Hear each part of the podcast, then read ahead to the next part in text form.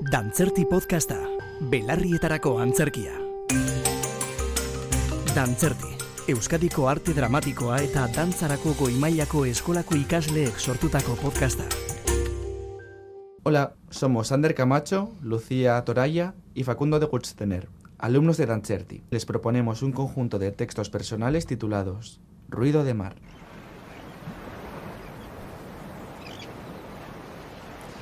Todo el mundo dice que sé escuchar.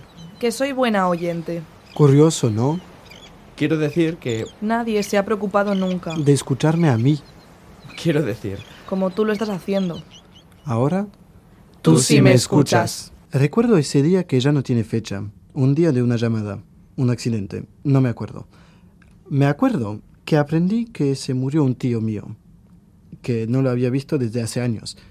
El tío se suicidó. O se murió, me dijeron. No lo sé. Solo sabía que ya no existía. Sus manos lo colgaron a un árbol. Un tilo, me dijeron. Era un árbol muy anciano que crecía sobre un suelo de caliza. Era precioso. No supe nada hasta que mi abuela me contó toda la historia. Mi tío estaba casado y tenía cuatro hijos. Después se separó de la única mujer a la que amó, porque era homosexual. Él no sabía qué hacer en esta situación, quién es y quién no es, su amor sincero y lo que él era desde siempre. Se separaron después de 20 años y se fue a vivir a una casa en el campo. Empezó una relación con un hombre y empezó a hundirse en la depresión por la culpabilidad. La sensación de haber destruido su familia, de haber consumido la vida de su mujer, perdido y culpable. Un día llamó a su hermana y la invitó a comer un domingo.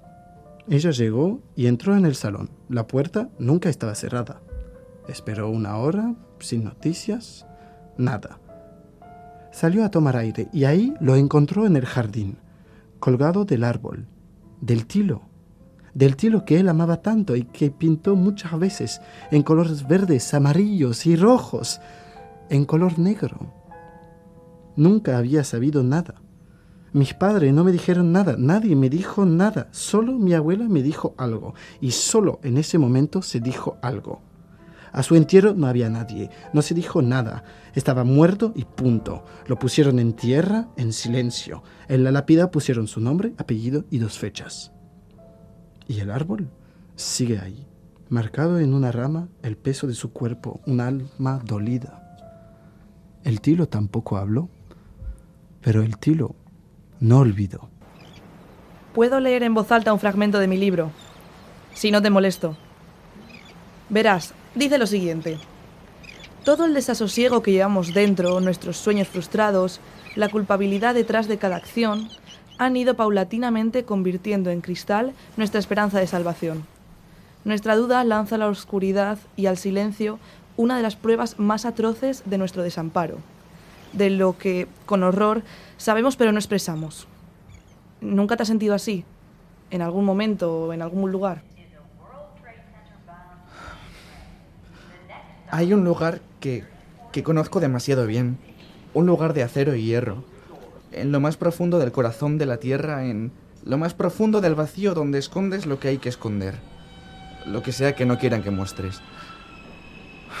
Hay un lugar que conozco demasiado bien, donde muchos de los míos van y vienen, escondidos en la oscuridad de la noche, en la oscuridad de los clubes y el manto del secreto. Un lugar donde esconden sus uñas de colores, sus ojos maquillados, sus labios pintados. En la oscuridad de una calle donde nadie quiere ir. Pero ahí están, sin destino, sin propósito, sin sueños. Ellos caminan. Hay un lugar que, que conozco demasiado bien, donde nos miran desde sus ojos azules, su piel blanca, sus dientes blancos, con esos ojos que nos cazan, esos ojos que nos quieren muertos, con ojos fríos, con ojos muertos. Hay, hay un lugar que veo en mis sueños.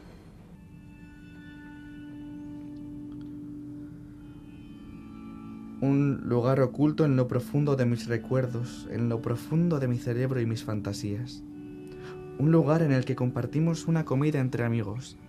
Tomarse el tiempo para cocinar, para comer, para beber, para reír, para sentir, El mar yace allí no muy lejos, con el canto de las olas rompiendo en la playa y los cantos de las gaviotas en el viento, compartiendo sonrisas y cuentos, degustando el tiempo, disfrutando del momento que tan bien sabe en nuestra boca. Hay un lugar que veo claramente. Recuerdo ver el sol desvanecerse mientras camino en el agua, mis pies hundiéndose en la arena, mis manos acariciando el mar tembloroso sintiendo el agua fluir entre mis dedos, la resistencia y el flujo, chocando contra mi cuerpo como perlas en mi cabello. y yo me río, me río de tanta belleza y dejo que el sol desaparezca como un fuego que se enciende en la playa, donde el cielo se vuelve rojo y las nubes doradas, en las costas blancas, en las rocas afiladas, en la tarde fría hay un lugar donde la paz existe. Y yo espero en el movimiento del mundo moderno. Tener algo en lo que creer. Llevar a cabo algo. Poder pensar que la vida de uno tiene sentido. Eso es lo que a mí me gusta. Mantenerse fiel a algo de forma inquebrantable. Pase lo que pase. Eso es lo que pienso que hay que hacer. ¿Crees que no lo entiendo?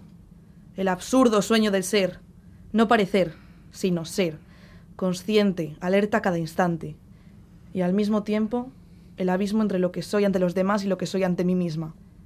La sensación de vértigo y la sed constante del desenmascaramiento, de verme por fin descubierta, reducida, quizá aniquilada.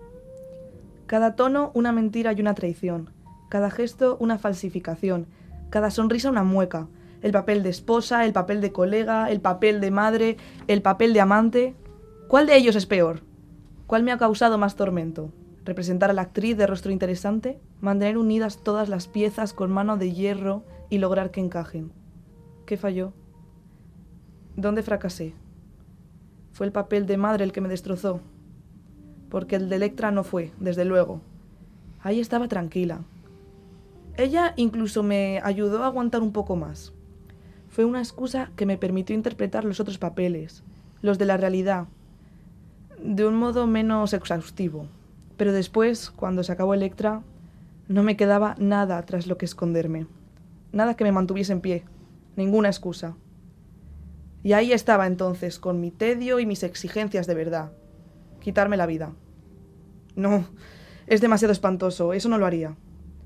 Pero sí puedo quedarme inmóvil, puedo enmudecer, Así no miento. Puedo amurallarme, encerrarme.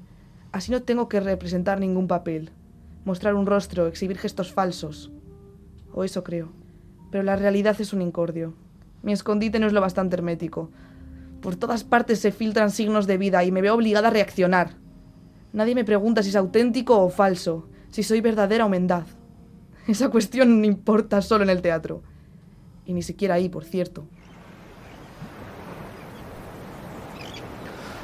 Opino que deberías seguir con ese papel hasta que lo sientas carente de interés, agotado en su representación, y puedas dejarlo al igual que poco a poco vas dejando tus otros papeles. Creo que eres la primera persona que me ha escuchado en mi vida. Y mi conversación no puede ser tan interesante, ¿verdad? Aún así, ahí estás, cuando podrías estar leyendo un buen libro. Increíble. No paro de hablar. Espero que no te moleste. Es muy agradable poder hablar. Es muy agradable poder hablar. Es muy agradable poder hablar. Dantzerti. Euskadiko arte dramatikoa eta dantzarako goimailako eskolako ikasleek EITB podcasterako sortutako podcasta.